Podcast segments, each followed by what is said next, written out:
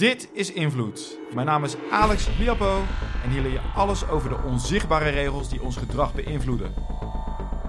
Vandaag praat ik met Roderick Rijgenbach. Hij is neuropsycholoog en oprichter van Braingineers.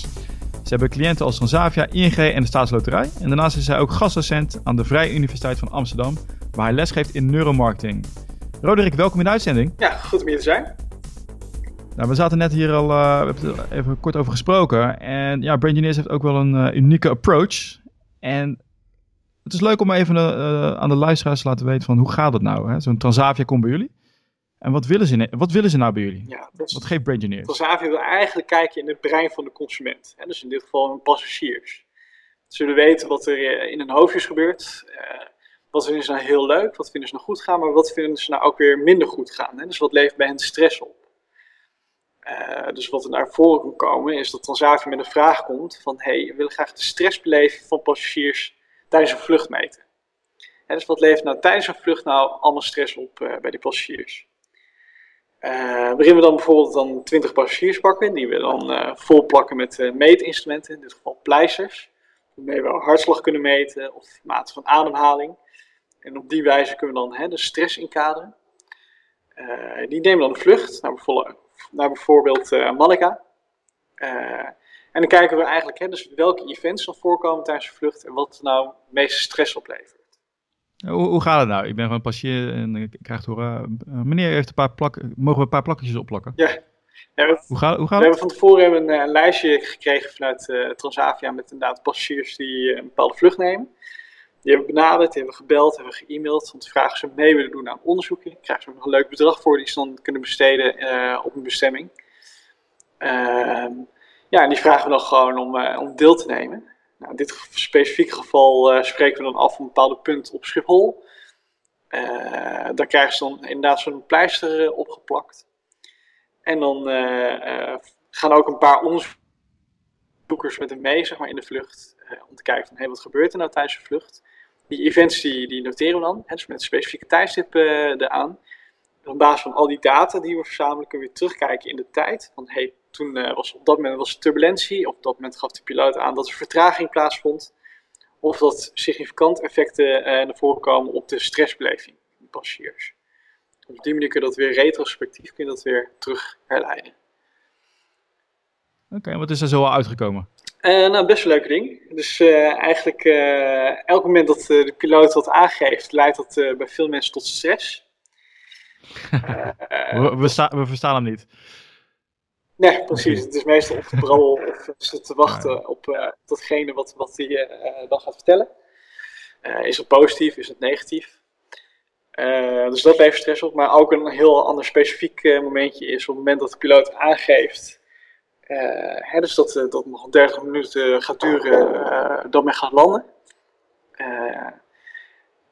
ja, is dat voor veel mensen nog even een signaal om naar het toilet te gaan. Dus ze mogen nu nog bewegen.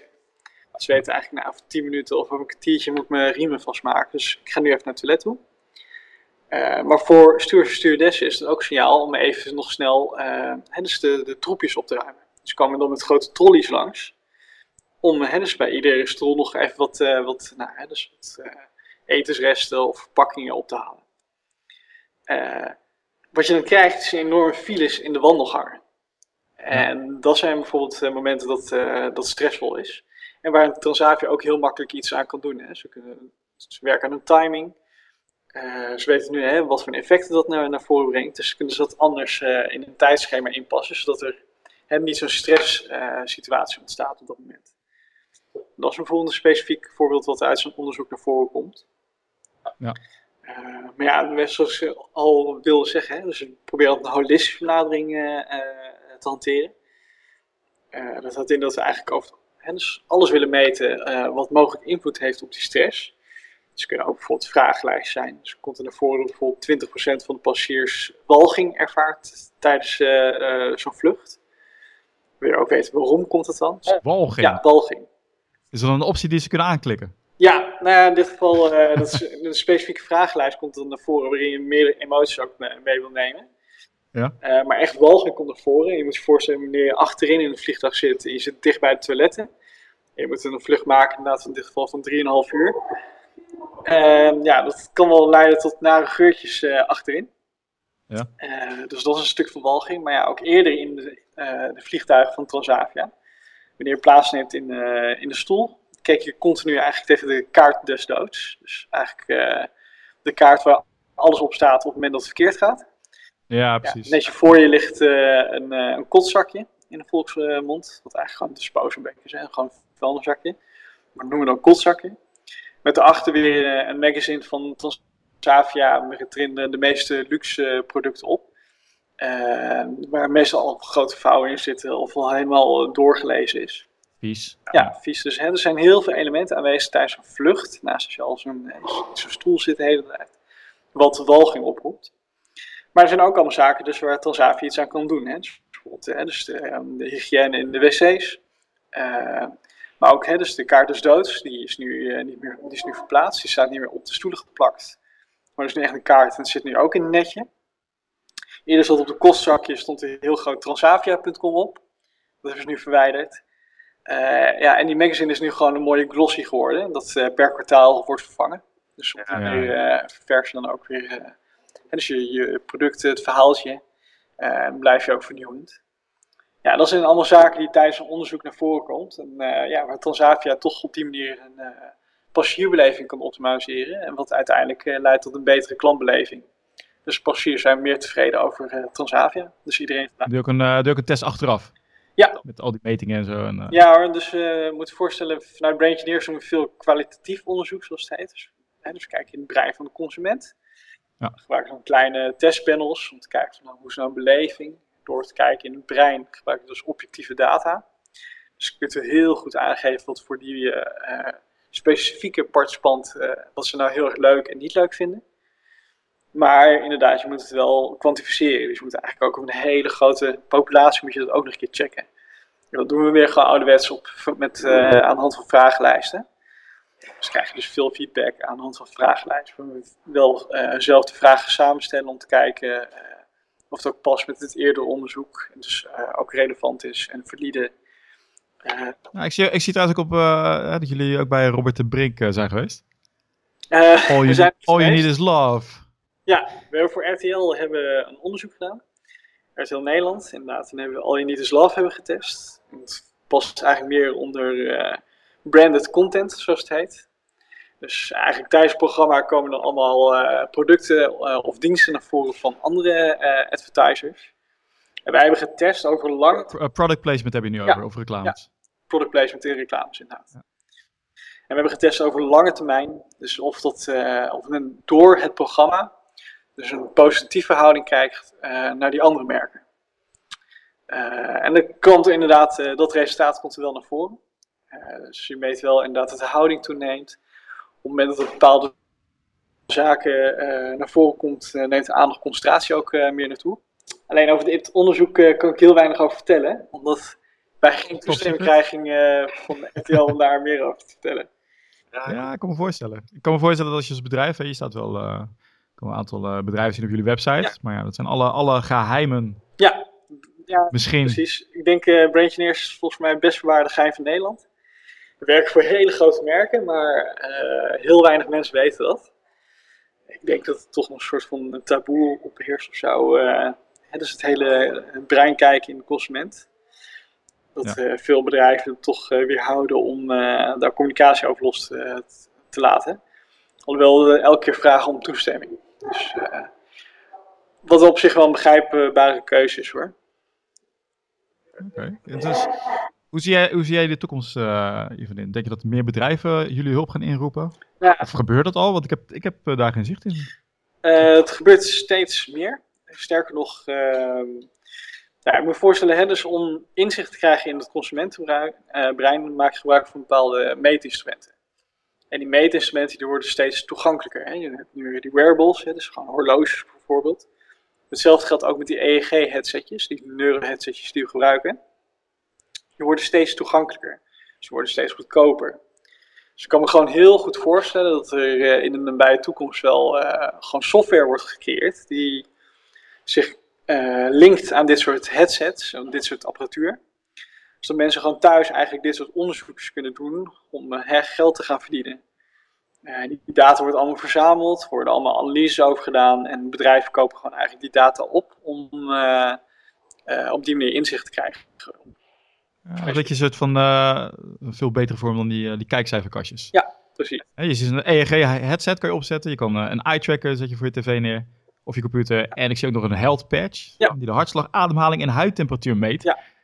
Dus ja, wat, wat weet je niet? Ja, nou, precies. Ik denk alleen, ja, mensen moeten wel welwillend zijn om daar mee te doen natuurlijk. Uh, maar ja, je hebt genoeg testpanels op, uh, op het moment die, uh, ja, weet je, er zijn mensen die gewoon af en toe een vragenlijstje invullen. dus ik zie er zeker wel mogelijkheden in. Ja, dat het gewoon, wordt het, wordt, wordt het al gedaan thuis? Dat mensen zo'n uh, ding thuis krijgen dat je dan op afstand uh, die EEG kan aflezen? Ik denk op het moment nog niet. Maar zoals ik zeg, ja, ik denk dat het wel snel eraan uh, zit te komen. Ja. Sterker nog, we zijn er zelf heel erg mee bezig om dat te realiseren. Er zitten wel veel haken en ogen aan. Hè? Dat is natuurlijk omdat je het hebt over heel erg kwetsbare apparatuur. Ja, ze moeten voorzichtig zijn met het spul. Ja, precies. Maar het is ook voor de juiste afname van, hè? Dus van onderzoek. dus dat moet allemaal goed gebeuren. En je moet voorstellen, hè? Dus je hebt veel ruis in je omgeving bijvoorbeeld een TL-baar of een uh, stopcontact, die geeft ook signaal af. Dat kan zijn apparaat ook allemaal opvangen. Dus om ah. al die goede filters te maken, zeg maar, erop, om het goed uit te filteren en dat ook de participanten makkelijk het, uh, zo'n badmuts op kunnen zetten. Uh, het gaat nog heel eventjes duren. Oké, dus dat zien we nog niet. Dus nu eigenlijk een uh, ongecontroleerde omstandigheden in een, in een lab. Maar ja, dus ook in, in het vliegtuig? Ja, ook een vliegtuig. Dus, Wat ik hoorde? Eigenlijk eh, op het moment dat een onderzoeker uh, moet er gewoon elke keer nog eh, bij komen om te zorgen dat, uh, ja, hè, dus dat alle variabelen gewoon goed worden ingekaderd. dus dit soort ruisfilters en dat soort zaken, dat er overal rekening mee wordt gehouden. In een thuissituatie is dat gewoon iets lastiger. Ja. We doen ook aan, aan website optimalisatie. Ik wil het toch nog even over hebben. Ja. Want kan je misschien wat resultaten delen? Je hoeft geen bedrijven te noemen. Over percentages qua conversie. En wat, wat doen jullie? Je zet een eye tracker neer, je, je zet ook zo'n EEG headset op. Dus dat, ja. Ik heb presentaties gezien van jou en dan uh, gaan mensen die gaan een website bezoeken. En dan kun je precies zien waar ze naar kijken en wat het met ze doet. Of ze gefrustreerd worden, ja of nee. Ja, dus uh, wat, wat wij aanbieden is uh, neuro-usability testing. het valt eigenlijk onder usability testing, gebruiksgemakstesten. en wij kijken dan naar de performance fluency. Dus hoe vloeiend men door een webflow heen gaat. Uh, inderdaad, wat je zegt, hè, dus aan de hand van uh, eye tracking en EEG, maar ook mouse tracking, kunnen we precies zien waar je naartoe kijkt, hoe men zich gedraagt uh, online. En tegelijkertijd dus ook wat er in hun hoofd gebeurt. Op basis daarvan kunnen we precies, dus de, de, de, positieve, maar ook de pijnpunten in zo'n webflow-ervaring, kunnen naar voren brengen. dus ja, hoe gaat het in zijn werk? Een voorbeeld te geven bij um, nou, een Vodafone-website krijgen de participanten een opdracht om een, uh, een, mobiele telefoon met abonnement aan te schaffen. En ja, wat wij doen is eigenlijk tegelijkertijd met het meekijken van wat er nou gebeurt in dat brein. Dus ze krijgen zo'n open opdracht. Ze proberen dus zo goed als ze kunnen eigenlijk alles goed af te ronden, zodat ze een mobiele telefoon een abonnement hebben aangeschaft. we stellen nog wat vragen achteraf. En vervolgens nemen we dan die specifieke bezoeker, dus die participant, nemen we nog mee door een eigen hersendata. Dus ze kunnen precies zien waar ze hebben gekeken en wat er in hun eigen hoofd is gebeurd. Waarin wij aangeven, nou, we zien hier een piek in excitement ontstaan of frustratie. Kun je aangeven waarom we op dat moment gefrustreerd raakten. In die participanten dus heel specifiek kunnen aantonen van, hé, hey, ik werd op dat moment gefrustreerd, want ik was op zoek naar een specifieke prijs, maar het werd me niet uh, gepresenteerd. Nou, door het aangeven van dit soort pijnpunten, ook, hè, dus de goede kanten, kan uh, zo'n Vodafone zijn website optimaliseren. Dus je kan uh, die pijnpunten weghalen door een uh, ander soort design aan te geven of beter te communiceren. waardoor inderdaad voor Vodafone daardoor de conversie kan stijgen. Want ze kunnen mensen makkelijker een flow intrekken, omdat de communicatie gewoon beter is. Wat voor percentage moet ik dan aan denken voor bedrijven die dit beluisteren en denken, moet ik dit wel of niet doen? Is het de moeite waard? Het kan heel variëren, want voor Vodafone is 1% percentage heel hoog. Maar voor staatsloterijen hebben we een percentage van 14% gehaald. En voor Tel wordt zelfs uh, uh, het dubbele, gewoon 200% uh, conversiestijging. 200% conversiestijging? Ja, dus voor specifieke flow, landingspagina of wat nou. Dus dat, dat is wel heel erg afhankelijk van. Ja. We kunnen wel met trots meedelen dat het altijd nog is gelukt om in ieder geval conversiestijging te realiseren. en significant ook. Hè. Dus het moet ook significant zijn. Dus over na een maand testen of twee maanden testen moet het ook significant hoger zijn dan wanneer niet een, een verandering heeft plaatsgevonden. Nog een vraag. Hebben jullie ook inzicht in hoe die website hè, die er staat, die jullie gaan testen, hoe die tot stand is gekomen? Hoe bedoel je, hoe die tot stand is gekomen? Ja, zijn er gewoon uh, webdesigners die dachten van nou, dit ziet er mooi uit.